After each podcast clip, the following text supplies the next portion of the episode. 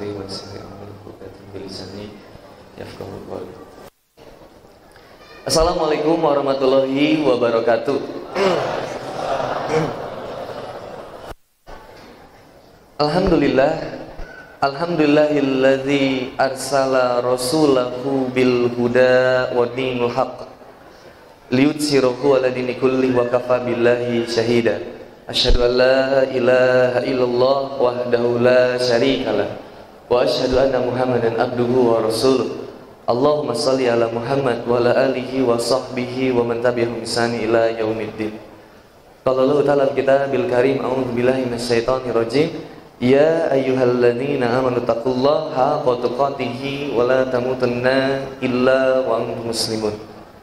Ya ayyuhan nas ittaqu rabbakum alladzi khalaqakum min nafsin wahidah wa khalaqa minha zawjaha wa batha minhuma rijalan katsiran wan nisaa wattaqullah wattaqullah alladzi tasaaluna bihi wal arham. Innallaha kana 'alaikum raqiba ya ayyuhalladzina amanu taqullaha wa qulu qawlan sadidan yuslih lakum a'malakum wa yaghfir lakum dzunubakum wa may yuti'illaha wa rasulahu faqad faza fawzan azima amma ba'd Alhamdulillah wa syukurillah bersyukur kepada Allah Subhanahu wa taala sampai dengan hari ini kita masih berikan kesempatan oleh Allah Subhanahu wa taala untuk senantiasa memperindah setiap amal-amal kita, memperindah setiap taubat kita.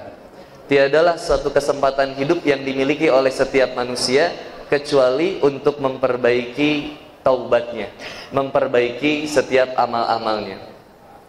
Bersyukur kepada Allah Subhanahu wa taala kita bisa dikumpulkan kembali di Masjid Trans Studio Bandung ini dalam keadaan sehat walafiat semuanya. Nampak terlihat segar sekali berbeda setelah badak zuhur ya. Kelihatan wajahnya fresh gitu ya. Ayah nusengit koleknya ada yang bau pecel mungkin ya. Itu kenikmatan yang luar biasa. Masya Allah Allah tutup dengan indah hari-hari kita Insya Allah dengan senantiasa penuh kalimat zikir kepada Allah subhanahu wa ta'ala Dan terus mengingatnya insya Allah Bersyukur kepada Allah subhanahu wa ta'ala Akan sebuah kenikmatan usaha kita Untuk senantiasa diperjalankan oleh Allah Untuk sampai ke rumah-rumahnya Yang senantiasa setiap langkah kakinya Mengangkat derajat kita Dan setiap langkah kaki kita Senantiasa menjadi penggugur dosa Mudah-mudahan ikhwan dan akhwat, ikhwafila semuanya senantiasa dalam hidayah oleh Allah Subhanahu wa taala, diberikan hidayah yang terbaik oleh Allah Subhanahu wa taala dan senantiasa kita kemudian diberikan hidayahnya untuk semua kemudian memperjalankan keimanan sampai nilai takwa insyaallah. Mudah-mudahan teman-teman semua yang ada di sini juga selepas bulan Ramadan, Syawal akan menyebar undangan pernikahan insyaallah. Ya, insyaallah ya. Amin ya. Salawat serta salam kita limpah curahkan kepada baginda Nabi besar Nabi Yana wa Habibana Nabi Muhammad Sallallahu alaihi wasallam. Beliaulah sebaik-baiknya teladan Beliaulah sebaik-baiknya contoh bagi kita semua. Laqad kana lakum fi rasulillahi uswatun hasanah Enggak ada manusia yang paling layak untuk dicontoh kecuali Rasulullah Muhammad sallallahu alaihi wasallam indah ahlaknya, santun lisannya, dan senantiasa setiap gerik-gerik gerak-geriknya itu menjadi teladan yang terbaik bagi segenap manusia. Maka setiap manusia yang mengidolakan Nabi Muhammad SAW senantiasa mendapatkan ketenangan, kenyamanan, keamanan dalam kehidupannya. Karena senantiasa mencintai apa yang dicintai oleh Nabi Muhammad SAW. Mereka mencintai Allah, mereka mencintai Nabi Muhammad SAW, dan mereka senantiasa nikmat menjalankan apa yang kemudian oleh Nabi Muhammad SAW. Berbicara tentang nikmat, seperti yang biasa sebagai penguat dan pengingat bagi kita semua, ada yang namanya nikmat hidup. Nikmat hidup diberikan oleh Allah Subhanahu wa taala kepada segenap umat manusia dan setiap makhluk hidup yang ada di dunia. boleh saya berdiri, boleh nggak? Masya Allah, ya boleh. ada yang namanya nikmat hidup. Nikmat hidup diberikan oleh Allah Subhanahu wa taala umat manusia dan seluruh makhluk hidup. Hewan pun hidup, manusia pun diberikan kehidupan oleh Allah Subhanahu wa taala. Namun seandainya hidupnya hanya sekedar hidup, maka hewan-hewan pun semuanya hidup. Kalau makan sekedar makan, maka hewan pun juga sama makan. Kalau bekerja sekedar bekerja, kerbau di sawah pun ikut bekerja. Maka seorang manusia yang senantiasa meningkatkan level kehidupannya untuk menjadikan hidupnya ibadah kepada Allah Subhanahu wa taala, maka inilah profil manusia-manusia yang terbaik. Menjadikan dunia sebagai tempat beribadah bukan hanya menjadikan ibadah untuk mendapatkan apa yang ada di dunia, tapi menjadikan setiap kehidupannya yang di dunia ini untuk menjadi sarana beribadah kepada Allah Subhanahu wa taala. Dari bangun tidur sampai tidurnya lagi beribadah kepada Allah Subhanahu wa taala lisan dijaga, penglihatan dijaga, pendengaran dijaga. Setiap langkah kaki kita pun dijaga. Maka hati kita pun akhirnya terjaga. Maka seandainya setiap manusia mengeluhkan kehidupannya di dunia, maka mengeluh itu salah satu ciri kita menghilangkan eksistensi Allah dalam kehidupan kita. Macet. Tin, tin, tin. Semakin dibalas klakson, semakin dibalas klakson lagi yang sering ngomong kasar bakal mendapatkan omongan lisan kita kalau biasa ngomong mohon maaf ya ngomongnya kasar kalau ngomongnya kasar otomatis ketika dia kaget pun yang akan dia bicarakan omongan yang kasar. Ketika sudah hijrah akhirnya diganti. Astagfirullah Allahu akbar. Lisannya berubah. Dan ketika dia jangankan buat ngomong buat mendengar kalimat yang kasar aja dia udah nggak nerima, nggak suka ngedengernya. Kenapa? Karena akhirnya sudah hijrah, berubah akhirnya. Pendengarannya sudah berubah, mau yang buruk-buruk, penglihatannya berubah, nggak mau melihat yang buruk-buruk. Hati pun akhirnya berubah, senantiasa menginginkan sesuatu yang terbaik dalam kehidupannya, karena akhirnya dia menjadikan kehidupannya di dunia untuk hanya kepada Allah Subhanahu Wa Taala, bukan menjadikan ibadahnya untuk kepentingan dunia. Kemarin banyak, ya nggak usah dibahas ya. Banyak soalnya orang-orang yang menjadikan ibadahnya untuk dunia. Tapi untuk ngawalan, cek. Untuk ngawalan boleh. Jadi semangat boleh. Saya kayak spreman. Alhamdulillah Kang, saya semangat duhanya. Katanya kalau saya semangat duha, utang saya bakal lunas. Terus saya bilang, kalau subuhnya gimana? Tak eta subuh nama tak acan ambil teh. Nembe duha naung. Dan cenah duha mah ya subhanallah. Untuk ngawalan, tapi kita terus ingatin lagi, yuk sabar, dikitin, inget-inget. Sampai akhirnya merasa nikmat.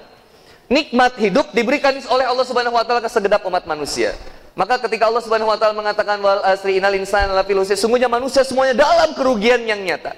Maka Rasulullah Muhammad sallallahu alaihi wasallam menyampaikan, nikmatani ma'bunun fi minan nas. Ada dua kenikmatan yang senantiasa manusia luput darinya. Ada dua kenikmatan yang manusia senantiasa luput darinya. Tertimbang dua kenikmatan itu. As-sihat wal farok, nikmat sehat dan juga nikmat waktu luang. Ibnu Jauzi rahimahullah menyampaikan, ketika nikmat dua kenikmatan itu berkumpul dalam satu manusia, sehatnya dia punya, waktu luang dia punya, justru dia akan diserang yang namanya rasa malas. Maka ketika datang rasa malas, udah Ramadan pun akhirnya tibra. Susah buat bangun malam. Kalau ngecek-ngecek nih kehidupan kita, bener deh. Subhanallah. Ketika kita mengatakan kemudian nikmat ke masjid atau nikmat kemudian nongkrong di luar masjid. Halo? Kenapa jadi Gini, saya terlalu serius ya. Aduh maafin ya. Apa aku harus bahas jomblo dulu? Supaya rileks gitu. Saya kalau udah hari-hari terakhir ini bawaannya tuh pengen tegangan tinggi gitu. Pengen nyemangatin gitu. Buat senantiasa mendapatkan esensi bulan Ramadan ini. Ramadan itu, nah micnya mungkin lup-lup ini ya. Ada mic lain mungkin. Ramadan ini senantiasa mulia. Manusia yang di dalamnya belum tentu mulia. Ramadan selalu hadir, tapi kita belum tentu hadir. Bisa jadi ini Ramadan kita yang terakhir. Tahun depan belum tentu ketemu sama Ramadan. Harta yang kita miliki, tenaga yang kita miliki, apa pun yang kita miliki hari ini, habiskan yang terbaik di jalan Allah Subhanahu wa taala. Habiskan di bulan Ramadan ini. Mumpung kita masih hidup di sini. Ayo, yang punya handphonenya tiga, yang punya handphonenya iPhone Black X. Jual ganti Huawei naon hesena sih. Ah, ganti Nokia ya. Cinit nit ngeunaheun. Main gamesnya juga paling orai, orayan. Coba. Ini main PUBG, subhanallah. Ramadan main PUBG, uninstall brother. Install. FF, wah, uninstall. Hapus semuanya. Kata MUI Jabar kalau nggak salah ya kemarin apa hoax atau gimana tuh? Katanya kemudian katanya PUBG udah sebenarnya hmm, main PUBG hati-hati. Untung saya mainnya hago, jadi ya selamat kurang kan gitu. Nah, Alhamdulillah. Kayaknya saya Hago juga udah mau di uninstall, tapi kemarin udah di uninstall. Pokoknya target lempar peso kudu nepi ke level 2 genep nepi. Adu domba nges paling jago. Mana udah udah tamat jadi akhirnya udahlah clear gitu ya. Mobile apa point blank, point blank udah sampai diamond, diamond emas ada tiga ya udah uninstall. Sisanya point blank, uh, uh, PUBG, PUBG juga udah ah udah gitulah ya, udah master gitu ya. Eh, banyak yang cupu pemain baru jadi ya nggak nikmat lah gitu, udah uninstall. Itu udah tamat semuanya akhirnya. Yang belum tamat itu tinggal PO, ya itu yang belum tamat. SD itu Mana? Maka kata Rasulullah Muhammad sallallahu alaihi wasallam, min husni islami mar'i tarkuhu ma la ya'ni. Di antara kebaikan seorang muslim itu dia meninggalkan sesuatu yang tidak bermanfaat dalam kehidupannya. Artinya ketika meninggalkan segala sesuatu yang tidak bermanfaat, yang lebih menyita waktu, tinggalkan. Bobo Muhammad tak abus lis ya pasti tidak akan bermanfaat. Ayo siapa yang bisa menyebutkan satu kelebihan pacaran? 5 juta rupiah cash. Mana dompet saya? 5 juta rupiah cash. Ada di tas juga nama A. Oleh A ini. Eh nanti. Ada satu yang bisa menyebutkan apa kelebihan pacaran? Wow. Sayang, Katanya kalau buka bersama berjamaah itu lebih afdol. Gimana kalau kita buka berjamaah? Nggak segitu abus kamu sholat. Sayang, ayo kita sholat berjamaah. Izinkan aku menjadi imam sholatmu. Nggak beresnya pegangan tangan lagi. Peluk-pelukan lagi, tatangkepan lagi. Sayang janji ya bakal nikahin aku syawal nanti. Nabrak truk semen, sahid tuh kira-kira. Subhan. Nikmat hidup kita nggak tahu setiap di kehidupan ini di dunia ini masalahnya ada akhirnya kuota nggak pernah dipakai pun habis handphone misalkan pulsa nggak dipakai pun habis itu mendekati masa tenggang harus di top up lagi pulsanya mata ya ibu saya itu pulsanya paling banyak dia jarang dipakai kadang nelpon saya juga ah lagi di mana ikan lagi di kamar ibu ibu di kamar depan saya di kamar belakang semua yang di dunia terbatas. Maka ketika memanfaatkan segala sesuatu yang terbatas ini, simple, luar biasa sebenarnya. Kalau lihat hadis Rasulullah Muhammad SAW yang tadi, min husni islami maritaku malayani, meninggalkan segala sesuatu yang tidak bermanfaat. Mungkin setiap kita. Akhirnya, Kang Boni suatu pagi nganter ibu. Bunda, aku nganter ibu. Ah, anterin ke pasar. Ngeng. Masuk ke pasar. Akhirnya ke pasar, ibu berangkat ke pasar. Masuk ke keluar lagi. Ketika keluar lagi, kemudian ibu bilang, ah, bentar ya, ibu lupa, masuk lagi. Kemudian keluar lagi, ah, astagfirullah, bawang berem hilang, masuk lagi. Kesel nggak kira-kira anak? Kesel dong. Kemudian ketika ibu datang lagi, saya antarkan ke rumah. Ketika antar ke rumah, saya duduk. Tidak mungkin, mustahil Allah menghadirkan sesuatu itu sia-sia, mustahil. Pasti ada pelajaran hikmah yang diambil. Kak, kemudian saya berpikir, apa hikmah dari mengantarkan ibu ke pasar? Bulak-balik, kemudian senantiasa saya mendapatkan kekesalan. Gak boleh kesel, ini kan perwujudan dari Allah. Harusnya saya nerima. Apa ya hikmahnya? Oh, dapat hikmahnya. Mohon maaf, bunda. Masuk ke pasar, bawa catatan. Ah, masuk. Ke pasar, bawa catatan. Yang nggak bawa catatan, lebih cepat keluar yang bawa catatan atau yang nggak bawa catatan? Lebih cepat yang bawa catatan atau yang nggak bawa catatan? Yang bawa catatan. Kalau yang nggak bawa catatan itu lama, bahkan bisa jadi dia membeli sesuatu yang tidak harus dibeli. Yang nggak harus dibeli, dibeli. Masuk ke supermarket. Ceritanya cuma mau beli misalkan pengharum ruangan. Begitu keluar, subhanallah, soft drinknya dibeli, kata kuaci dibeli, kemudian biskuit-biskuit dibeli. Akhirnya banyak yang dibawanya. Oh, ternyata hikmahnya kalau seseorang merencanakan sesuatu itu akan lebih baik dalam kehidupannya. Maka kita mendapatkan hikmah di bulan Ramadan ini memperjalankan kemudian sisa-sisa bulan hari Ramadan yang terakhir ini, 10 hari terakhir bulan Ramadan ini perencanaan yang terbaik dalam kehidupan kita. Ayo kita tuliskan perencanaan itu. Apa yang ingin kita dapatkan di sisa-sisa hari terakhir bulan Ramadan ini? Hafal Quran, ayo kita mulai sekarang. Bismillah. Yang belum hafal juz 30, insya Allah bulan ini, Ramadan ini saya ingin kemudian mendapatkan juz 30, saya hafal juz 30. Bismillah. Udah juz 30, naikkan juz 29. Udah belas juz 29, naikkan lagi juz 28 dan seterusnya. Ada pencapaian-pencapaian yang ingin kita dapatkan. Yang belum bisa belajar Qurannya, belajar ikronya, selesaikan di bulan Ramadan. Bismillah, saya harus lancar. Yang pengen tobat secara gamesnya, Bismillah, Ramadan ini saya harus bener-bener gak mau main games lagi. Uninstall semua. Yang dulunya pacaran di bulan Ramadan ini selesai. Masya Allah. Pahala orang yang memutuskan pacarnya di bulan Ramadan. Berlipat-lipat luar biasa. Bayangin, Assalamualaikum Ukti Innal hamdalillah nasta'in anfusina. Maaf Ukti. Ternyata di bulan Ramadan ini saya mendapatkan hidayah. Kita harus putus. Kemudian kata Uktinya, jangan putusin aku. Aku nggak bisa tanpa kamu. Please sayang. Enggak. Nggak bisa. Aku harus putus dari kamu. Singkat cerita mereka putus. Ketika mereka putus, yang ikhwan itikaf di Masjid Trans Studio Bandung bersama kegiatan Takblik Akbar, Special Night, Syamul Lail, Kang Handi Boni, Ustadz Rahmat Baikuni bersama Babe Haikal Hasan. Wuh, dia semangat. Di parkiran ketemu seseorang yang sering dia jumpai dan sering ada dalam mimpi-mimpinya, menghiasi setiap hari-hari indahnya. Ketika dilihat kemudian, Dewi Kemudian Dewi ngelihat, Rudi, Alhamdulillah aku hijrah Rudi. Berkat kamu mutusin aku, terima kasih ya Rudi. Aku semakin sadar bahwa sejatinya aku adalah milik Allah dan aku sadar bahwa Allah tidak pernah meninggalkan aku.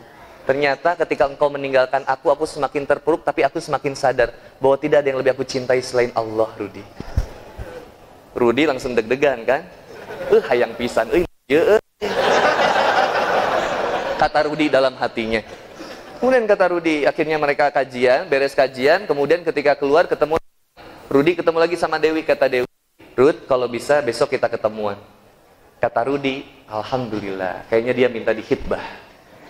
Artinya singkat cerita dia ketemuan di salah satu kafe di kota Bandung. Ketika ketemuan, Dewi datang, kemudian Dewi memberikan surat undangan kepada Rudi. Kata Dewi, Ruth datang ya ke nikahan aku. Insya Allah berkah kalau kamu hadir. Oh, kamu dapetin orang mana? Alhamdulillah tetangga kamu. Rudi langsung, ah oh, Dewi, aku seneng banget loh Dewi, masya Allah deh. Uh, mas, mas, ada pisau nggak mas? Lalu apa yang terjadi? Dengan Rudi. Ketika Rudi pulang ke rumah, Rudi bilang, Allah tidak adil. Yang hijrah duluan saya, kenapa sekarang saya yang tersakiti ya Allah?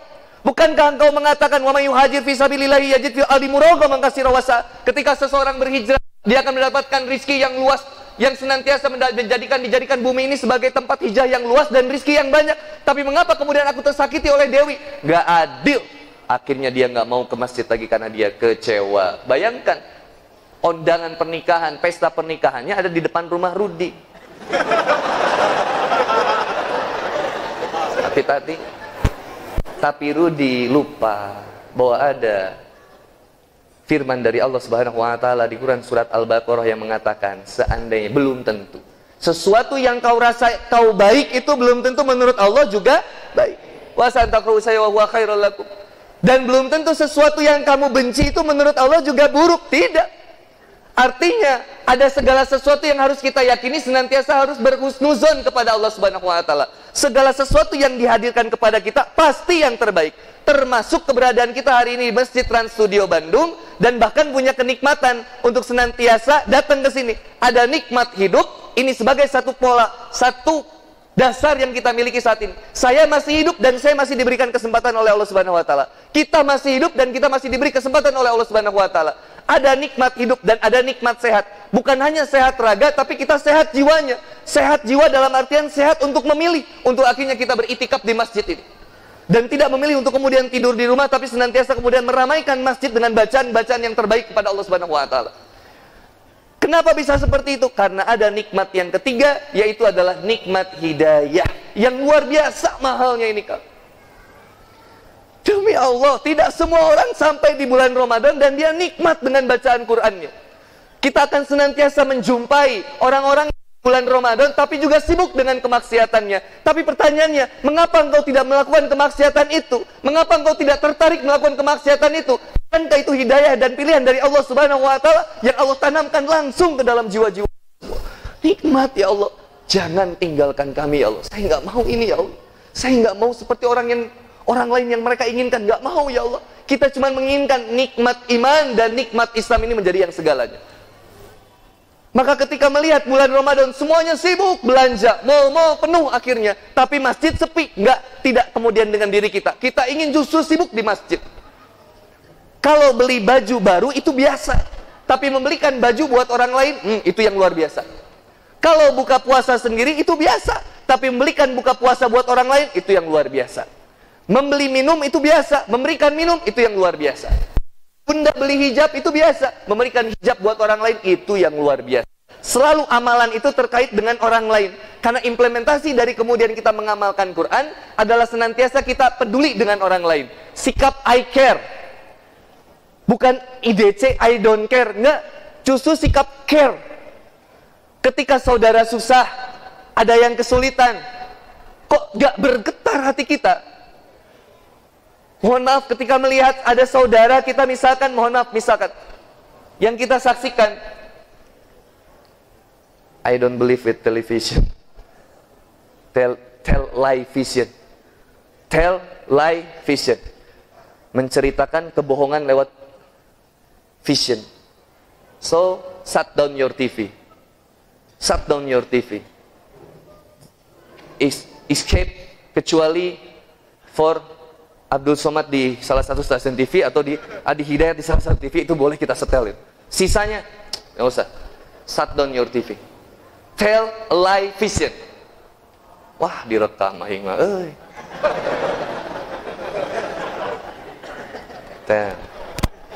Ya maksudnya pilih yang terbaik.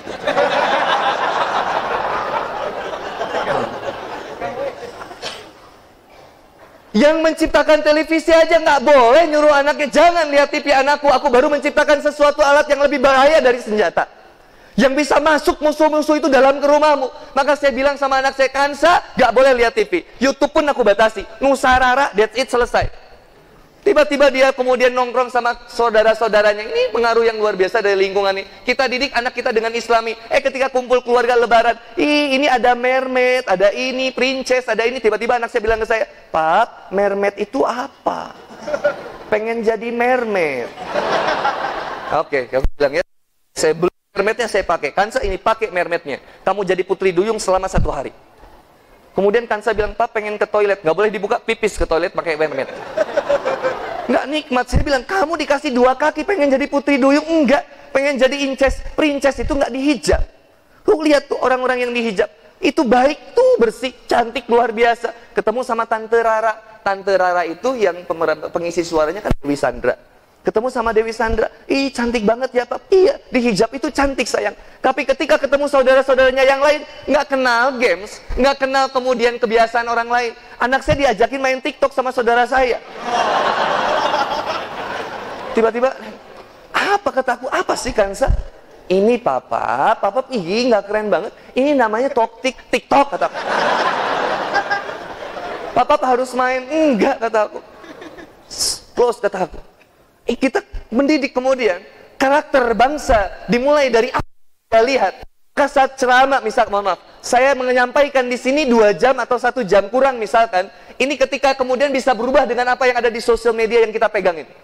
Maka ketika kemudian melihat segala sesuatu yang kemudian tidak baik, bahkan kemudian bisa memutarbalikkan fakta, kerubah mindset kita. Maka seandainya seseorang yang tidak punya kenikmatan iman, Bahkan pondasi iman yang luar biasa, dia mudah terpengaruh dengan kemudian suguhan-suguhan informasi yang membabi buta itu. Maka akhirnya kita dibuat tidak peduli dengan seseorang yang kemudian ada dibunuh. Teman saya, adiknya dibunuh, Pak.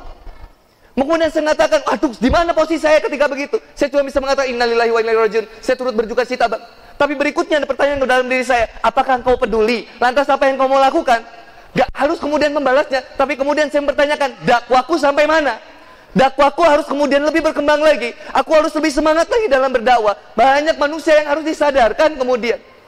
Kita tidak berbicara tentang politis, tapi kita berbicara bagaimana menempatkan keimanan dalam kehidupan di dunia ini. Maka saya akan diwafatkan, kita semua akan diwafatkan sebagai seseorang yang peduli terhadap umat manusia. Seluruh manusia kita peduli, jangankan yang muslim, mohon maaf, yang kafir pun kita jaga. Jangankan manusia, hewan pun kita jaga. Istri saya curhat sama saya, eh curhat sama temannya. Astagfirullahaladzim. Kenapa ya jadi membabi buta gini ya? Maaf ya bawaan ini mungkin ya. Aura. Belum ada orangnya auranya udah kerasa. Nah, saya biasa bicara tentang cinta yang lemes-lemes gitu. Istri saya bilang sama temennya, itu suami saya jeng, kan gitu ya. Kalau wanita udah ngobrol tuh, duh. Lihat, wanita itu makanya namanya Anissa. Senang bercerita nasa, senang bercerita ngobrol. Satu hari 20 ribu kata. Kalau laki-laki irit cuma 8 ribu kata. Coba bunda ngobrol sama papa. Pak, besok aku mau ke TSB ya. Aku mau itikaf barengan ada Ustadz Handi Boni, ada Rahmat Baikuni, ada juga Baikal, Baikal Hasan. Aku papa mau datang ya? Iya. Suami. Hati-hati gitu. Yang sering dandan, cewek atau cowok? Bunda, yang sering dandan bunda atau suami? Bunda. Kenapa bunda lebih sering dandan daripada laki-laki? Karena bunda takut kehilangan suami. Suami tidak terlalu takut kehilangan bunda.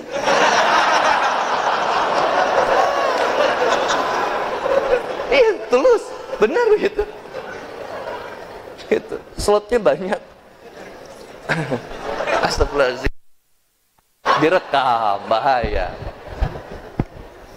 Tadi kenapa sampai ke sana ya? Oh, istri saya bilang, suami saya jeng, itu kalau mengeluarin motor, itu ngobrol dulu sama semut. Jadi memang saya, alhamdulillah, saya biasa begitu. Mohon maaf pak, itu ada semut di garasi saya, saya mau ngeluarin motor saya. Ketika saya mau ngeluarin motor, saya bilang dulu, maaf ya, sayang ya, aku mau lewat dulu. Punten, punten, pisan. Aku samping-sampingin, semut maaf, maaf kalau ganggu. Set, kalau ada yang mati, ya mati, ya maaf ya, maaf. maaf. Nggak sengaja kan, nggak kelewat gitu. Terus saya keluarin motornya. Kemudian istri saya komplain kok, pap, semut diajak ngobrol. Bukankah kita ini adalah seorang inni ja'ilung fil ardi khalifah? Setiap lisan kita, setiap sikap kita, perbuatan kita harus senantiasa menyelamatkan apa pun yang ada di sekitar kita. Jangankan manusia, hewan, tumbuhan pun harus selamat. So, ganti botol-botol minumanmu. Ganti pakai tumbler, botol, tumbler. Bawa ke mana-mana. Jangan terus beli-belian, botol-botol. Botol. No, no. Jangan using itu. Ganti lagi. Tobat produk. Jangan beli, saya sebutkan inisial saja, mohon maaf, saya sebutkan inisial. Jangan lagi beli-beli MCD, KVC, udah nggak usah. Saya sebut inisial. Coca-cola, jangan. Ganti minumannya, berhenti semuanya. Tobat produk sekarang. Buah dari Ramadan itu kita tobat produk juga. Membeli segala sesuatu yang sehat dan menyehatkan. Minum air putih, masukin ke tumbler botol. Bunda mau beli masakan-masakan, bawa misting sendiri. Kemudian datang ke misting, uh, datang ke tukangnya, bawa bawa pakai misting, nggak pakai kresek lagi. Kemudian senantiasa bunda kalau ke pasar, kalau ke supermarket sekarang bawa yang namanya tote bag. Tote bag. Bawa tote bag. Ada gerakan di Bandung keluarga tote bag. Bawa tote bag. Jangan terus pakai kresek lagi, kresek lagi. Wow, wasting banget deh. Luar biasa. Inilah yang namanya kemudian kita berusaha untuk hijrah secara akhlak sosial. Berarti dan sistem filah yang dirahmati oleh Allah Subhanahu wa taala. Ikhwah filah yang dirahmati oleh Allah Subhanahu wa taala. Nikmat hidup, nikmat sehat, nikmat iman dan nikmat Islam. Maka sampai di bulan Ramadan di dengan 10, 10 hari terakhir yang kemuliaannya luar biasa. Di malam-malam ganjil yang senantiasa Allah Subhanahu wa taala membukakan pintu surganya selebar-lebarnya dan kemudian menutup pintu neraka serapat-rapatnya dan setiap malam Allah senantiasa membebaskan para hambanya kemudian dari neraka. Yang luar biasanya kesempatan tobatnya besar, tapi kok masih banyak yang tidak tertarik, lebih tertarik dengan diskon 80%. Alhamdulillah bunda, istri saya sudah nggak mau lagi ke mall itu. Dan kalau ke mall saya Rapat-rapat. Jangan mama, tahan mama. Habib, Wahab ini miniso enggak. Istri saya sudah nggak pernah di mall, tapi suka terdengar suara misterius depan rumah. Paket, Masya Allah, apa ini kan? Every weekend, every weekend selalu ada paket, paket entah itu maskara, blush on, hand body dan seterusnya. Tapi ya itulah wanita. Ya kita batasi dan dia pun ingin tampil sempurna, dia ingin tampil cantik di depan kita. Cinta karena cantik dan cantik karena cinta itu berbeda. Cinta karena cantik, bunda cantik. Karena bunda cantik, suami sayang sama bunda. Sayang banget. Dulu sebelum nikah itu uh, kata-kata romantisnya luar biasa. Naik Vespa, dua tempel-tempel luar biasa. Sampai helm teh tadi taruh ket bisa. Uh, luar biasa. Itu cinta karena cantik. Cantiknya luntur, luntur pula cintanya. Tapi ketika seseorang cantik karena cinta, Masya Allah, bagaimanapun keadaanmu, aku selalu ada bersamamu. Bagaimanapun keadaanmu, aku selalu bersamamu. Bagaimanapun bentuk rupamu, aku selalu mencintaimu. Membesar bagian tubuhmu, aku selalu mencintai itu. Aku ngegendutin ya, pap ya. Nggak apa-apa, saya. Kalau kamu ngegendutin, artinya papa nggak bisa ngelihat halangan gede awaknya soalnya. itu deh. Cinta karena cantik dan cantik karena cinta. Termasuk bulan Ramadan. Kalau cinta bulan Ramadannya saja, sama cinta bulan Ramadan karena Allah dan Rasulnya berbeda kualitasnya. Cinta bulan Ramadan saja. Di bulan Ramadan amal hebatnya luar biasa. Semangat di bulan Ramadan. Sangat ke masjid, masjid, masjid, masjid, berbagi, masjid, sedekah, berbagi, sedekah, masjid. Luar biasa. Tapi selesai Ramadan, neno, neno, neno, neno, neno, neno. Low bad.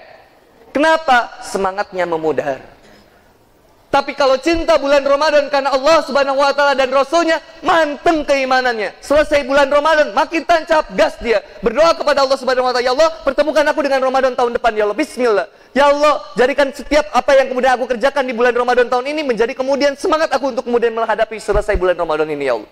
Ada efek yang luar biasa dalam kehidupan kita, yaitu dalam pertaruhan keimanan kita.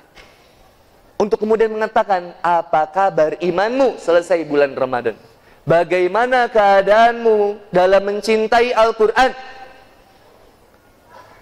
Maka boleh seseorang memegang handphone. Boleh menjadi pejuang kemudian muslim cyber army misalkan. Boleh menjadi senantiasa pendakwah digital, social media. Boleh silakan. Tapi jangan sampai waktunya habis di sana. Kemudian nggak punya waktu untuk bersosialisasi. Naik angkot sekarang nggak pernah ada obrolan-obrolan lagi, brother. Naik angkot semuanya sibuk dengan handphone-handphonenya. Semua sampai supir angkotnya juga. Nyetel lagu dangdut pula. Saya bilang, Pak, kok nyetel lagu dangdut? Biar nggak ngantuk, Ustaz. Saya bilang, kok nggak disetel murotal gitu? Ya kalau disetel murotal tuh saya ngantuk, Ustaz. Saya bilang, itu artinya setannya keluar. Oh gitu ya, Ustaz. Diganti akhirnya. Ar-Rahman. Mulai nundutan setan. Nggak biasa.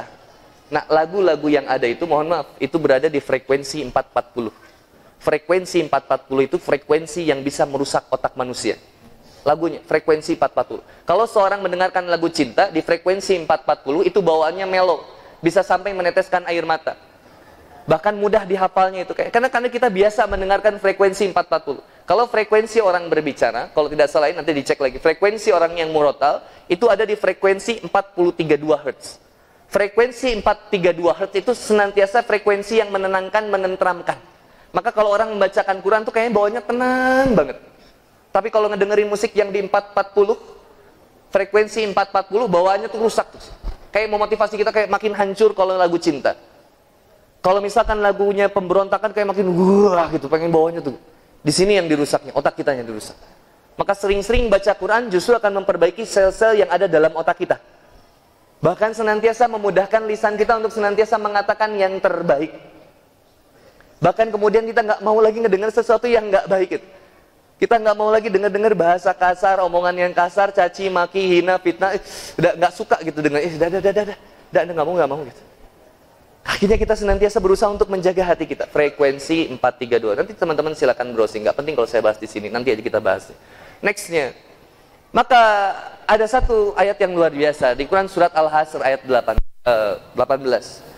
Ya alladzina amanu taqullaha wal tanzur nafsum ma qaddamat sligot. Wattaqullaha innallaha khabirum bima ta'malun. Hei orang-orang yang beriman, bertakwalah kepada Allah Subhanahu wa taala dan senantiasa menyiapkan dan memikirkan apa yang hari esok kalian akan dapatkan dan kalian kejar itu nanti. Ayo kita perencanaan, buat sekarang dari sekarang perencanaan-perencanaannya. Maka kemudian ketika keterusan dari surat Al-Asr yang kita tadi bahas ini, ketika berbicara demi waktu yang kita senantiasa terikat dengan kematian, yang kemudian Allah menyampaikan setiap manusia itu sejatinya dalam kerugian. Illalladzina amanu wa amilus kecuali yang senantiasa beriman dan yang senantiasa beramal soleh. Wa tawassaw haq dan senantiasa mewasiatkan kebenaran demi kebenaran. Wa tawassaw sabar dan senantiasa dia bersabar dalam menjalankan itu semua. Ada empat kunci yang bisa kemudian kita pegang pada malam hari ini. Satu, mengilmui Islam. Yang kedua, mengamalkan Islam. Yang ketiga, mendakwahkan Islam. Yang keempat, senantiasa bersabar dalam mengilmui Islam, bersabar dalam mengamalkan Islam, dan bersabar dalam mendakwahkan Islam. Dan senantiasa kita bersabar. Kunci utamanya sabar dalam menjalani semua kehidupan ini. Sabar, karena latihan sabar, termasuk di bulan Ramadan, ujian sabarnya luar biasa. Ujian sabar luar biasa. Nahan lisan, nahan pendengaran, nahan penglihatan, nahan langkah kaki kita untuk senantiasa melangkah kepada sesuatu yang terbaik. Ujiannya luar biasa.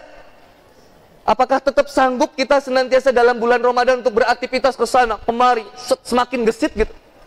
Lillah, hanya karena Allah Subhanahu wa taala, uh, ujiannya luar biasa. Tapi yang luar biasanya adalah Allah Subhanahu wa taala kemudian menyampaikan Salamun alaikum bima sobartum. Salam sejahtera bagi kalian senantiasa sabar dalam kehidupan. Sabar dalam meniti jalan takwa. Sabar dalam beramal soleh. Salam da sabar dalam berdakwah. Sabar dalam kemudian menjemput ridho dari Allah Subhanahu wa taala. Don't wasting your time. Menghabiskan waktumu untuk sesuatu yang tidak bermanfaat pada bulan Ramadan, terutama di malam-malam terakhir ini kau punya tenaga dari Allah. Seandainya ada seseorang yang memberikanmu baju yang terbaik, pakaian yang terbaik, sepatu yang terbaik, kau akan senantiasa mengingatnya, bahkan memujinya. Pak Haji, makasih ya Pak Haji udah ngasih baju aku ini. Makasih ya Pak Haji udah ngasih sepatu aku ini. Makasih ya Pak Haji sudah ngasih kacamata ini. Ini kacamata saya Pak, mohon maaf Pak. Saya dikasih sama seseorang. Harganya luar biasa. Mereknya Levi's. Saya biasanya pakai kacamata di jalan ABC. Harga 250 ribu ya, murah. Tiba-tiba dikasih merek Levi's, ini jadi malu gitu, makainya tuh duh deg-degan gitu. Dan saya tiap ketemu itu pasti bilang, oh Pak, Pak Haji, makasih ya Pak Haji, ini kacamatanya tiap ketemu begitu. Tapi ada hikmah yang saya ambil, apa hikmahnya? Luar biasa. Saya muji seseorang yang kemudian memberikan kacamata saya, tapi saya tidak pernah memuji Allah Subhanahu wa taala yang memberi mata saya. Memuji yang memberi kacamata, tidak memuji yang memberi mata. Memuji yang memberikan sepatu, tidak memuji yang memberikan kaki. Memuji yang memberikan baju, tidak memuji kemudian yang memberikan raga kita ini. Maka semuanya dimiliki oleh kita dari Allah Subhanahu wa taala. Maka ada pengorbanan di bulan Ramadan ini yang kemudian kita berikan di jalan Allah Subhanahu wa taala. Ikhwan yang dirahmati oleh Allah Subhanahu wa taala. Suatu ketika kami umroh di bulan April kemarin Ketika di bulan April itu umroh, kami bertemu dengan travel lain, Pak. Di travel lain itu kemudian ada yang mengatakan begini, kurang lebih 10 orang yang mengeluh karena hotelnya jauh. Saya sampaikan, saya bilang ketika hotelnya jauh ada seorang sahabat yang minta pindah rumah kepada Rasulullah Muhammad SAW. Kemudian mengatakan, ya Rasulullah, saya pengen pindah rumah ya Rasul dekat masjid gimana ya Rasul? Perjalanan saya dari rumah ke masjid itu sekitar 2 jam. Jadi mau sholat subuh berangkatnya jam 2 apa kata Rasulullah Muhammad SAW? Beliau tetaplah di situ karena sesungguhnya setiap langkahmu itu satu langkah mengangkat derajat, satu langkah menggugurkan dosa. Kemudian jamaah ini singkat cerita kembali lagi ke jamaah ini, jamaah ini 10 orang lebih. Different travel, beda travel. Tiba-tiba dia protes ke travelnya, saya minta pindah dekat Zam-Zam Tower. Saya bilang, eh pak, kalau pindah dekat Zam-Zam Tower itu nggak masalah, bagus kata. Cuman bukan berarti yang harus diujinya begini Pak. Nggak semua yang tidur di Zam-Zam Tower itu semangat dalam ibadah karena hotelnya dekat jadi seringnya pulang ke hotel. Tidur di hotel. Dia bilang, enggak, saya mau pindah. 10 orang pindah. Bayangin nih, ini not hikmah nanti teman-teman ambil aja. 10 orang pindah hotel ke Zamzam Tower. Dari yang jauh pindah ke Zamzam Tower. Wallahi, apa yang dia dapatkan? Dia dapatkan hotelnya, tapi dia tidak mendapatkan kenikmatan ibadah. Kenapa? Karena dia sakit dan dirawat di hotel itu. Bayangin. Allah langsung memberikannya. Kalau pengen hotel, aku kasih hotelnya. Tapi tidak akan merasakan kenikmatan ibadah kemudian. Di Ka'bah. Nggak sampai Pak. Padahal jarak kan itu Pak. Jarak Zam-Zam Tower sama Masjidil Haram itu Pak. Di depannya nih. Persis kayak seperti ini nih. Ya nggak kurang lebih begitu. Di situ hotelnya tinggal jalan kaki sampai ke Masjidil Haram. Tapi qadarullah Allah berikan penyakit kepada dirinya sampai ia tertahan di, mas, di hotel itu dan tidak bisa sholat ke dalam Masjidil Haram. Begitupun dalam dunia, kalau mengharapkan sesuatu yang ada di dunia disegerakan oleh Allah Subhanahu wa taala. Tapi siapa yang menginginkan kemudian kenikmatan iman, maka kemudian Allah akan mengujinya. Bukankah kalimat dalam Al-Fatihah dikatakan ihdinas siratal mustaqim, siratal ladzina an'amta alaihim ghairil maghdubi alaihim waladdallin. Kemudian kita mengatakan, Ya Allah, tunjukkan aku kepada jalan yang lurus, yaitu jalan yang telah engkau ridhoi dan jalan yang telah engkau beri nikmat kepada orang-orang yang terdahulu. Kemudian dikaitkan oleh para ulama, kemudian di hadis uh, disebutkan bahwa yang dimaksud dengan orang-orang yang diberikan nikmat itu adalah Quran surat An-Nisa ayat 69. Minan nabiyin, wasyiddiqin, wasyuhada, wasolihin. Profilnya kita turunkan minan nabiyin, wasyiddiqin, wasyuhada, wasolihin. Ketika kita turunkan, Masya Allah, ujian yang dideritanya kok gak nikmat buat dijalanin. Tapi lagi-lagi berbicara tentang kenikmatan yang berbeda cara pandangnya. Cara pandang manusia dengan cara pandang Allah Subhanahu wa taala ternyata berbeda. Kalau cara pandang manusia, nikmat sholat atau nikmat tidak sholat? Halo? Aduh kenapa jadi stres gini ya? Aku jadi ngerasa bersalah. Nikmat sholat atau tidak sholat? Cara pandang manusia umum bukan mukmin. Cara pandang nikmat manusia umum nikmat sholat nikmat tidak sholat. Nikmat sedekah nikmat tidak sedekah. Nikmat tahajud nikmat tidur cara pandang manusia pada umumnya menikmat sesuatu yang kemudian yang dia pikir nikmat itu begitu. Rumah besar, mobil banyak, motor banyak, kemudian makan apa pun bisa, traveling ke mana pun bisa, beli apa pun semuanya bisa. Yang dikejarnya dunia, dunia, dunia. Tapi ketika cara pandang keimanan berbicara di sana, mulai akhirnya ada yang berubah. Yang lain enak tidur, kami enaknya sholat. Wassolu billaili wa nasuniyam. Sholat malam ketika orang lain sedang nikmat tertidur, kami kemudian bangun memuji nama Allah Subhanahu wa taala. Dan itu pun diberikan kehendak oleh Allah Subhanahu wa taala. Rasakan nikmatnya nggak perlu sombongnya. Upload nanti misalkan. Alhamdulillah. Lagi tahajud. Live. Ditaruh. Pura-pura meneteskan air mata. Padahal mah ngahwai terus ya. Pas curi karek tinggal di sedih bacaannya loh. Nggak perlu sombong ya. Sombongnya simpan Kini banyak orang yang nanya kenapa Kang Boni sosial medianya ditiarapkan dulu? Karena ngerasakan nikmatnya dulu. Saya merasa kemudian mungkin saya mohon maaf mohon maaf. Mungkin saya banyak dikenalnya di Instagram. Tiba-tiba ada yang orang bilang oh saya nggak kenal antum. Ya nggak apa-apa. Nggak peduli juga ada orang yang kenal saya mungkin di sosial media saya coba tiarapkan Alhamdulillah nikmat banget. Jadwal tak kosongin itu sebulan. Saya cuma minta sama Allah, ya Allah saya pengen bertemu dengan komunitas-komunitas orang-orang yang tulus dalam berdakwah. Pertemukan saya ya Allah. Masya Allah. Allah pertemukan saya dengan rumah singgah Kang Hafid di Setiabudi. Saya bertemu dengan sahabat lansianya. Masya Allah. Komunitas yang ada di kota Bandung. Saya bertemu dengan orang-orang hebat yang luar biasa. Yang tidak terkenal di bumi tapi terkenal di langit. Masya Allah, keren-keren ketemu sama satu kiai. Yang saya datang ke beliau kiai ajarkan kepada saya bagaimana cara melembutkan hati. Maaf kiai. Kemudian kiai ini bilang yuk ikut sama saya. Diajak saya pak ke masjidnya pak. Begitu saya diajak ke masjid beliau kasih saya. Ini sapunya ini pembersih WC-nya ini sikatnya. Yuk kita bareng-bareng bersihin bersihin pak. Mohon maaf bunda. Kotoran manusia itu pak. Di pie spot. Apa sih namanya? Di spot. Ina Toto ya yang itu. Mohon maaf kalau ada nama yang sama ya. Itu pak. Mohon maaf pak. Itu tercecer pak. Bayangin. Tercecer saya bersihin itu. Kita bersihin. Mau muntah-muntah. Saya ini orangnya jijian bu. Jijian saking jijiannya saya saya ngelihat kecoa aja merinding Bukan takut ya, mohon maaf, bukan takut. Segen. Segen.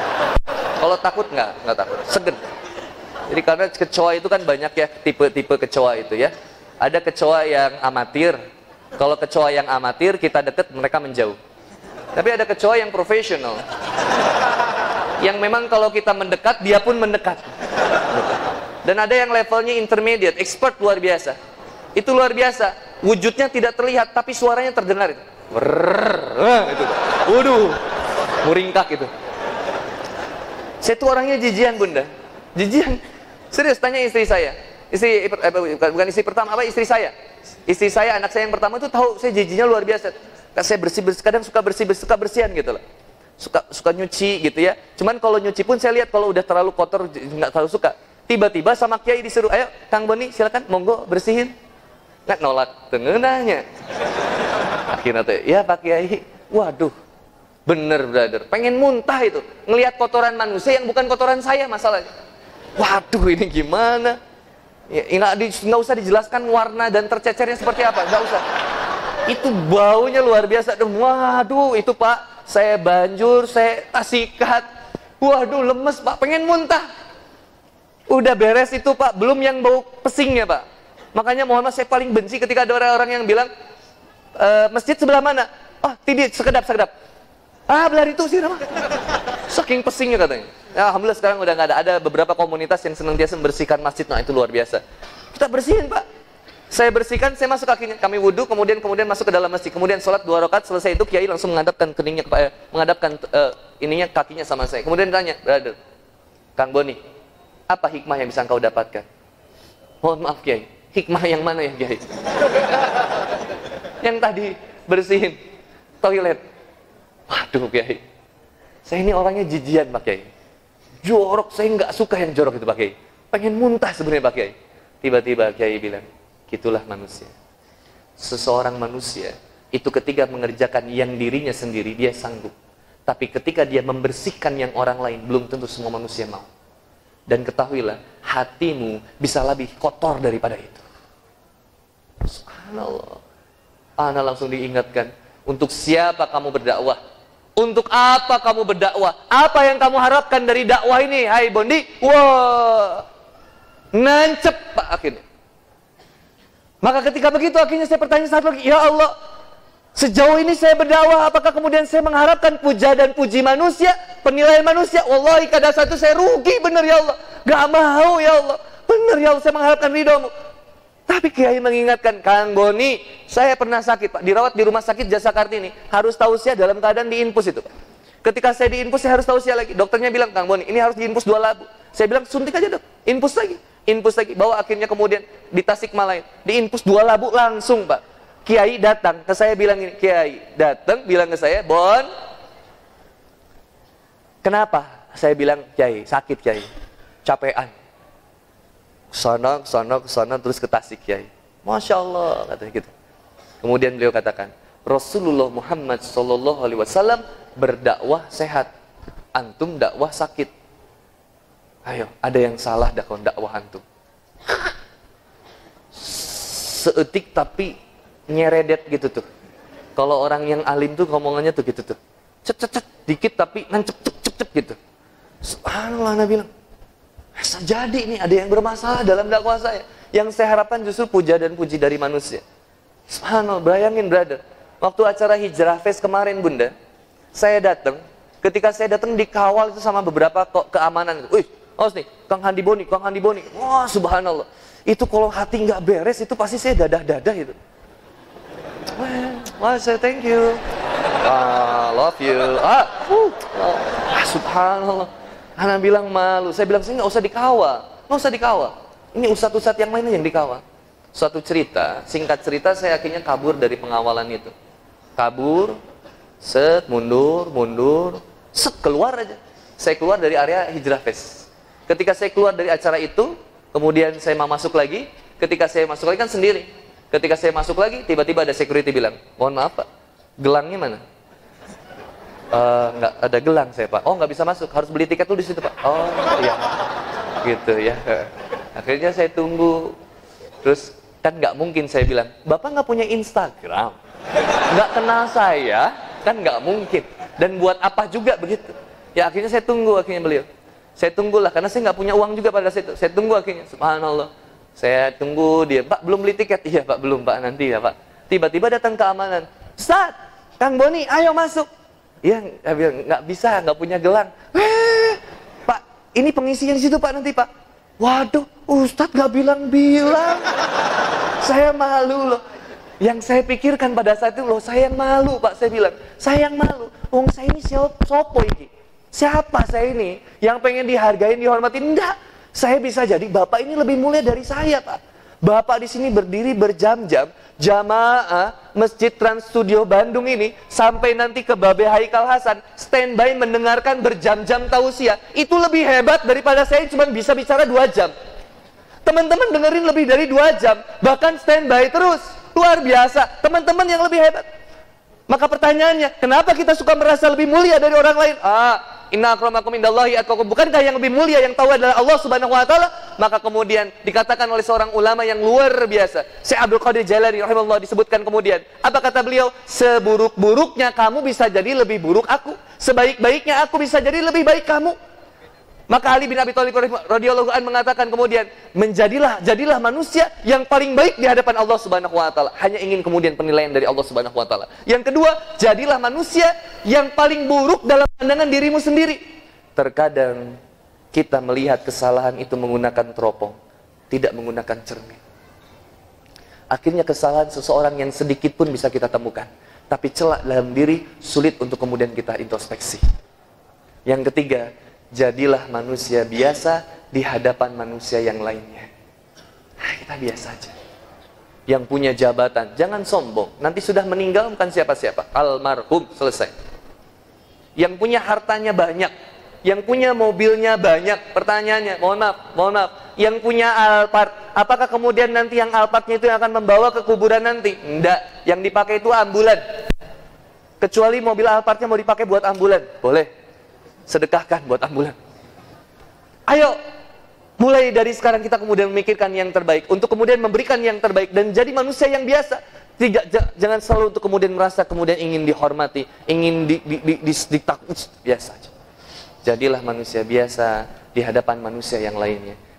Esensi dari Ramadan kali ini adalah bagaimana cara kita untuk senantiasa melembutkan hati kita menundukkan hati kita kepada kekuasaan dari Allah Subhanahu wa taala dan senantiasa kita mengatakan kepada Allah terima kasih ya Allah atas segala kenikmatan yang telah Engkau berikan. Aku mampu sholat, aku mampu saum, aku mampu zakat, aku mampu berinfak. Itu pun semuanya atas kehendak darimu ya Allah. Kau yang titipkan rizki itu kepadaku ya Allah. Dan kau yang lembutkan hatiku untuk memberikan yang terbaik di jalanmu ya Allah. Terima kasih ya Allah atas segala kenikmatan yang telah Engkau berikan kepada kami ya Allah. Dan ya Allah, Jaga keistiqomahan kami ini ya Allah. Maka kata Allah Subhanahu wa taala mengatakan di Quran surat Al-Fussilat ayat 30. Innalladzina qalu rabbuna Allah. Sungguhnya siapa saja yang mengatakan sungguh Tuhan kami ialah Allah. Qalu rabbuna Allah. Summastaqamu. Kemudian dia istiqomah menetapkan pendiriannya di keyakinannya itu. Alimul malaika ala takhafu wala tahzanu Innal ladzina qalu rabbuna Allah summa istaqamu tatanazzalu alaihimul malaika alla takhafu wa la tahzanu wa absiru bil jannah bil jannati allati kuntum tu'adun nahnu awliyaukum fil hayati dunya wa fil akhirah dan seterusnya. Dikatakan bagaimana kenikmatan seseorang yang istiqomah. Jangan kau takut terhadap apa yang ada di depanmu. Allah sudah jamin itu semua wala takhafu wala tahzanu wabsiru bil jannah. Dan jangan kau bersedih hati tentang apa yang ada dalam masa lalumu. Yang sudah biarlah sudah. Hari ini bagaimana kemudian kita meniti jalan takwa untuk menjadi manusia yang terbaik? Setiap dari kita punya masa lalu yang buruk setiap dari kita pernah punya catatan-catatan pribadi yang buruk tapi kemudian sekarang kita berusaha untuk menjadi yang terbaik maka Allah Subhanahu wa taala mengatakan di Quran surat Az-Zumar dengan kalimat yang begitu indah Kul ya ibadiyalladzina asyrafu ala anfusihim la taqnatu min rahmatillah.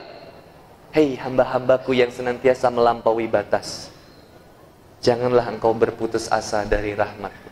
Innallaha yaghfiru dzunuba jami'an. Sesungguhnya aku senantiasa mengampuni apa pun dosa. Sebesar apa pun dosa. lebih besar ampunan dari Allah Subhanahu wa taala. Konsepnya kita tahu, aplikatifnya yang ini luar biasa.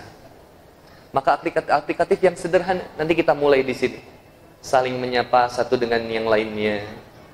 Ingat ketika Rasulullah Muhammad SAW menyampaikan, "Ya ayuhan nas, hai manusia, absus salam, sebarkanlah salam di antara kalian."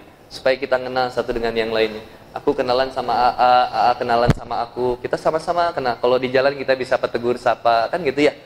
Kalau ada ke, kalau kita butuh sesuatu kita bisa minta bantuan, saling membantu satu dengan yang lainnya. Absus salam, wasilul arham, bersilaturahmilah jaga hubungan ukhuwah Islamiyah ini. Di bulan Ramadan semakin kuat kepedulian kita.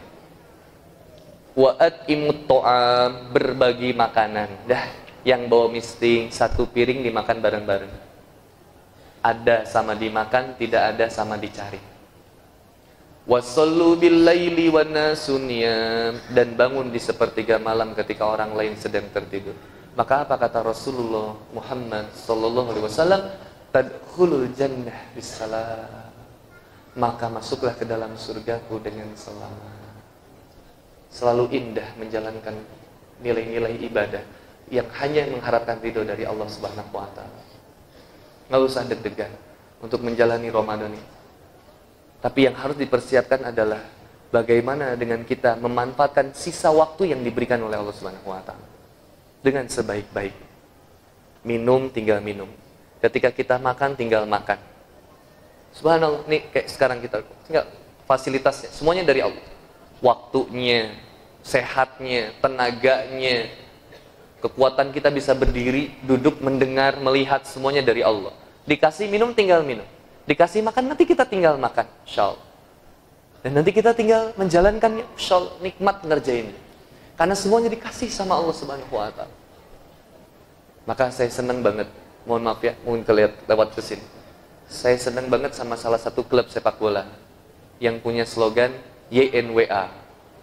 You never walk alone. Subhanallah. Mudah-mudahan juara champion insya Allah. burung bangu itu selalu lebih hebat ya daripada burung yang sebelah. You never walk alone. Tapi saya lebih senang itu akronimnya kalau diganti jadi You are nothing without Allah. Kamu nggak ada apa-apanya kalau tanpa Allah.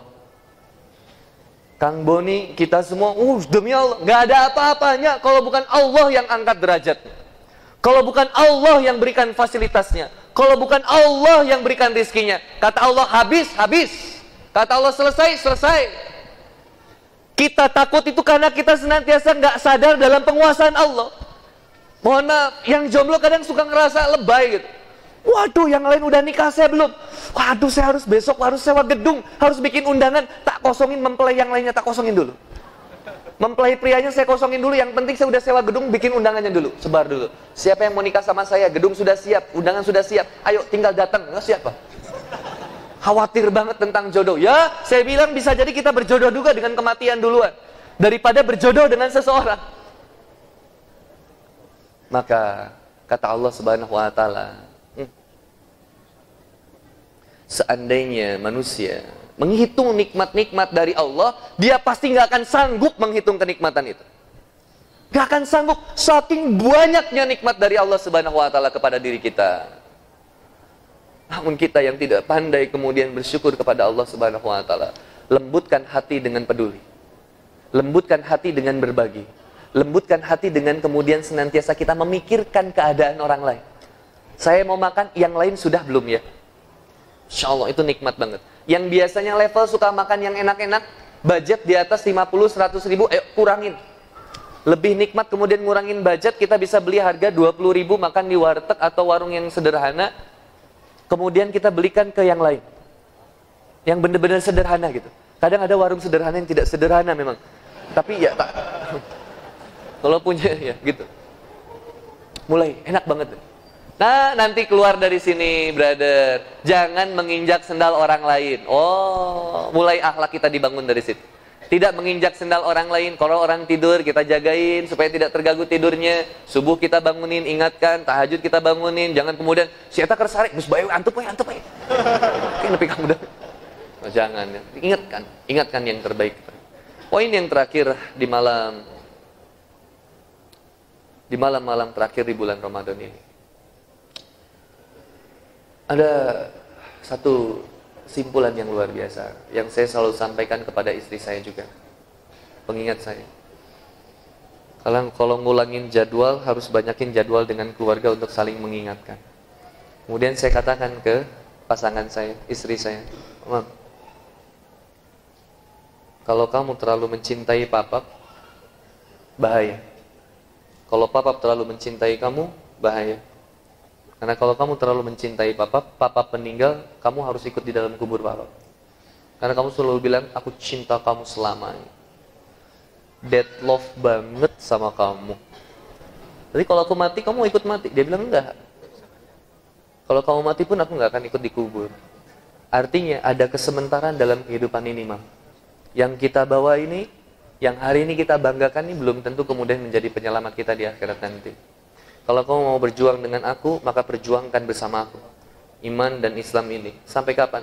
Sampai kemudian kita mati dan kita dipertemukan kembali di jannahnya Allah Subhanahu wa taala. Jangan larang aku untuk kemudian itikaf di masjid. Sepuluh hari tak mau pulang aku. Kamu udah nggak sayang lagi sama aku. Sayang sama kamu, tapi aku lebih sayang kepada Allah Subhanahu wa taala yang menguasai dirimu dan yang menjamin rizki kepadamu. Tapi Pak, Jangan tinggalin aku. Lah, wong aku ke masjid kok. Kok dimarahin? Dah. Kalau kau benar-benar cinta, bismillah, kita sepakat dari sekarang.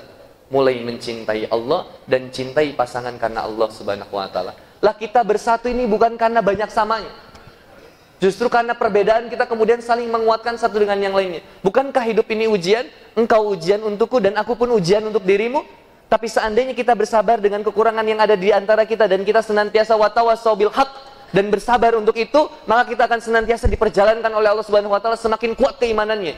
Maka, mam, ayo kita sama-sama perjuangkan keimanan ini. Meskipun raga harus berpisah dengan nyawa karena mengorbankan sesuatu yang lebih kita cintai, Syikariman naumut syahidan. Hidup mulia atau mati syahid. Bismillah. Kalau mau pergi. Setiap pergi, sampaikan kepada istri. Sampaikan kepada anak. Sampaikan kepada orang tua. Seandainya ini adalah hari terakhir aku berjumpa denganmu, maka maafkan aku, ampuni aku, dan senantiasa aku berikan aku wasiat untuk kemudian bagaimana aku meninggal. Berikan.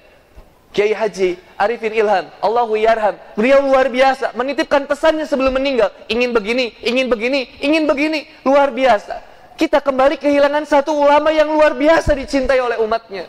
Bukankah kemudian ketika kemudian ilmu diangkat, itu adalah semakin dekat kita dengan kemudian hari akhir. Maka ketika ulama diangkat ini, wah sedih hati kita menatap kemudian Ustadz Adi Hidayat, menatap kemudian Ustadz Rahmat Baikoni, menatap kemudian Ustadz Babe Haikal Hasan. Seandainya kemudian terbesit dalam hati kita, ya Allah, jaga mereka-mereka ini ya Allah. Mereka yang senantiasa mengingatkan umat, mereka yang senantiasa menyadarkan umat ini ya Allah. Ya Allah, tolong berikan kesehatan kepada mereka ya Allah. Seandainya aku diperkenankan untuk membersamai perjuangan mereka, aku siap membersamai mereka. Seandainya kemudian aku kemudian harus meninggal kemudian dalam membersamai mereka, dakwah mereka, aku siap membersamainya. Inilah komitmen seorang mujahid yang untuk senantiasa kita tanamkan. Untuk kemudian kita mengatakan inilah bagian dakwahku. Hari ini kemudian menjadi komitmen dalam diri kita. Yaitu apa? Yaitu sekarang kita bukan lagi menjadi seorang pendengar saja. Tapi keluar dari sini kita akan senantiasa menjadi seorang pendakwah lagi. Ayo dakwahkan kembali ke saudara-saudara kita. Orang terdekat kita, keluarga kita, teman-teman kita. Ayo temenin perjuangan mereka hijrah. Jangan kemudian memisahkan diri, kemudian meninggalkan mereka. Uh, mereka ini masih mabok, udah tak tinggalin aja. Gak baik itu. Bedakan antara menyelam dengan tenggelam. Menyelam itu menikmati kedalaman. Tenggelam, mati. Mati kan? Menyelam. Antum cek Quran surat Al-Jin. Mohon maaf. Saya waktu udah habis ya. Lima menit lagi. Antum kayak lagu dangdut loh. Oh, mau masuk sesi pertanyaan. Buat akhwat kalau yang mau nanya bisa dicatat di tulisan. Eh, di apa? Di di kertas ya atau mau di WhatsApp ke nomor 0811 23 1578 itu nomor nggak tahu nomor siapa. Di kertas aja mohon maaf mohon maaf bercanda. Di kertas. Indah berada indah berada lihat. Wa id eh, Quran surat Al-Ahqaf dulu ayat 29 A'udzubillahi minasyaitonirrajim. Bismillahirrahmanirrahim وإذ صرفنا إليك نفرا من الجن يستمعون يستمعون القرآن فلما حضروه قالوا أنصتوا فلما قضي ولوا إلى قومهم منذرين Dan ingatlah ketika kami hadapkan kepadamu Muhammad serombongan jin yang mendengarkan bacaan Al-Quran serombongan jin yang mendengarkan Al-Quran. Mereka datang kepada Nabi Muhammad SAW. Lalu apa yang kemudian terjadi? Maka ketika mereka menghadiri pembacaannya, mereka menghadiri pembacaannya, lalu kemudian mereka berkata, diamlah kamu untuk mendengarkannya. Bilang ke teman-temannya yang lain, diam. Apa katanya? Falamma hadaruhu qalu ansitu. Shitu, shitu, gitu. Shitu. Diam, diam, diam. Lagi dibaca ayat Quran. Lalu apa kemudian? Maka ketika telah selesai, falamma qudiya walau wal wallau ila qaumihim, maka ketika telah selesai mereka kembali kepada kaumnya. Apa yang terjadi dalam kaumnya? Walau ila qaumihim munzirin untuk memberi peringatan. Maka selesai dibacakan bacaan Quran, selesai kemudian mereka mendengarkan bacaan-bacaan Quran itu, para jin kembali kepada kaumnya dan sampaikan kemudian apa yang disampaikan oleh Rasulullah Muhammad sallallahu alaihi wasallam. Ini indah. Salah satu alat dalam belajar kita, yaitu kita datang berombongan, bareng-bareng, duduk bersama, mendengarkan bacaan Quran, diam, mengamati, mendengarkan, selesainya memperingatkan kaumnya kembali. Ini kemudian jadi pembelajaran bagi. Sekarang kita lihat Quran surat jinnya. Quran surat jin surat ke-72 ayat ke-1-nya. Auzubillahi Bismillahirrahmanirrahim. Qul uhiya ilayya annahu istama'a nafarru minal jinni faqalu inna sami'na qur'anan 'ajaba. Katakanlah Muhammad telah diwahyukan kepadaku bahwa sekumpulan jin telah mendengarkan bacaan. Lalu mereka berkata, kami telah mendengarkan bacaan Quran yang sangat menakjubkan itu. Yahdi ila rushdi fa'amanna bih. Walan nusyrika bi rabbina ahada. Yang memberi petunjuk kepada jalan yang benar. Lalu kami beriman kepadanya dan kami sekali-kali tidak akan menyekutukan sesuatu pun dengan Tuhan kami. Wa annahu ta'ala jaddu rabbina mattakhadha sahibatan wala walada. Dan sesungguhnya maha tinggi keagungan Tuhan kami, dia tidak beristri dan juga tidak beranak. Bagaimana keutuhan dasar yang sangat kuat dari seorang jin? Jin loh ini. Jin Jin belajar mendengarkan Quran, dia memberikan peringatan kembali, dan bahkan ketika dibicarakan, dia beriman dengan itu semua. Dan dia langsung statement. Statement dia. Saya tidak mau menyekutukan Allah. Hanya Allah yang akan saya sembah. Maka kemudian kita kembali kepada kita, maka tinggalkan segala sesuatu yang kemudian kita rasa lebih cinta daripada itu, daripada Allah Subhanahu wa taala. Ingat Quran surat Al-Baqarah ayat 165 bagaimana Allah mengingatkan kepada kita.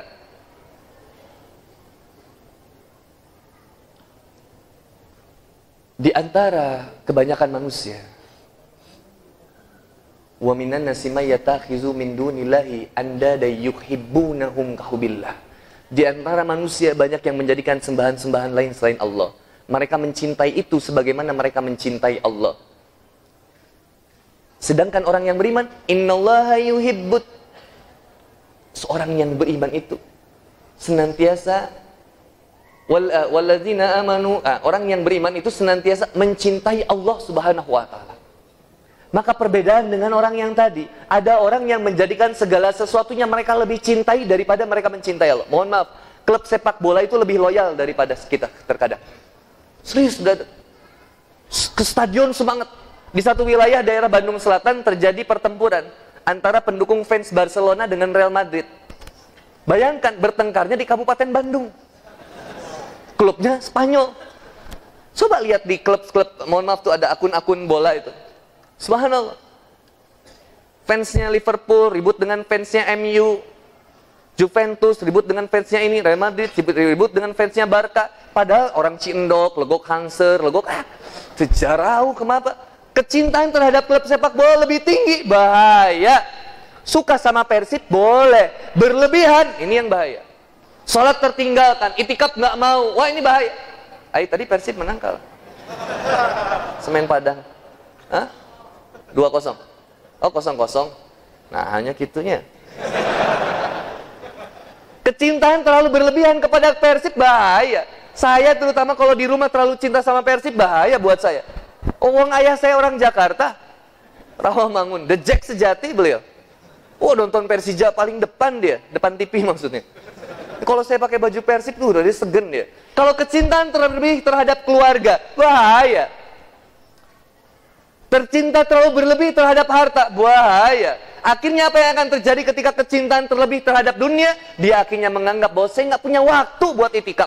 Saya nggak punya waktu buat bekerja. Wah, saya nggak eh, punya waktu buat ngapalin Quran. Saya nggak punya waktu buat itikaf. Saya nggak punya waktu buat majelis ilmu. Seolah-olah mereka ingin mengatakan bahwa orang yang itikaf itu para pengangguran, tidak punya kerjaan, dan senantiasa mereka yang kaum papa. Tidak. Tanya di sini. Banyak pengusaha di sini. Yang kaya-kaya dia tinggalin rumahnya yang Itu yang hebat, yang luar biasa. Saya ketemu dengan salah satu pengusaha konveksi di Tasikmalaya, Pak itu justru kalau bulan Ramadan kan lagi tinggi-tingginya itu. Omset itu. Wah, ratusan juta itu. Apa, apa yang dilakukan di bulan Ramadan? Kak, saya mau fokus ibadah. Subhan. Saya bilang, Pak Haji, ini kan untungnya gede Pak Haji. Alhamdulillah. Saya sudah nabung sebelum-sebelumnya. Untuk spesial bulan Ramadan, saya ingin free dulu. Total saya beribadah, belajar, belajar, belajar. Masya Allah, ibadah, ibadah. Total. Semangat dia. Ada lagi satu Pak Haji lagi. Saya katakan Pak Haji, mumpung bulan Ramadan, maka berikan yang terbaik Pak Haji. Pak Haji mobilnya banyak, ada Mercy-nya, ada ininya, ada ini. Wah, banyak sekali. Saya bilang Pak Haji, jual satu sedekahkan Pak Haji. Karena belum tentu Pak Haji ketemu dengan Ramadan berikutnya. Dia bilang, waduh, aing paling hoream panggil Ustadz kita cenah Saya mengingatkan Pak Haji, ayo Pak Haji, bismillah Pak Haji. Masya Allah, dijual mobilnya satu. Walaupun ya yang memang level yang paling bawah Innova tapi luar biasa, disedekahkan Masya Allah. Ketika disedekahkan, saya bilang, Pak Haji berat nggak? Subhanallah, nggak pernah seberat ini sebelumnya. Karena ketika ngejual, ngerepas di uang 300 juta, aduh. Kalau kita sedekahkan, Masya Allah, kita itu juga bisa hebat. Punya uang 100 ribu, masukin kenceng 100 ribu juga, ajib luar biasa. Walaupun pulang deg-degan, balik naik naonnya ya. Bismillah Tapi balasan dari Allah Subhanahu wa taala di bulan Ramadan, Masya Allah. Ajibnya luar biasa. Jangan ragu-ragu di bulan pol-polan. Ibadah pol-polan, sedekah pol-polan. Bismillah. Mumpung Ramadan, kita belum tentu bertemu dengan Ramadan berikutnya. Maka jadikan setiap malam-malam terakhir di bulan Ramadan ini malam-malam bermuhasabah. Itikaf itu berdiam diri dengan senantiasa mengingat apa kesalahan-kesalahan yang ada dalam diri kita. Mengingat masa lalu kita, mengingat kemudian bagaimana nikmatnya hidup kita dan bagaimana Allah memperjalankan kita sampai kepada nikmat hidayah. Itu yang luar biasa. Kawan dan akhwat yang dimuliakan oleh Allah Subhanahu wa taala, Seandainya ada pertanyaan yang bisa disaringkan yang tidak terlalu berat, dipersilakan dihitung sampai 3, 1, 2, 3, terima kasih. Kalau tidak ada,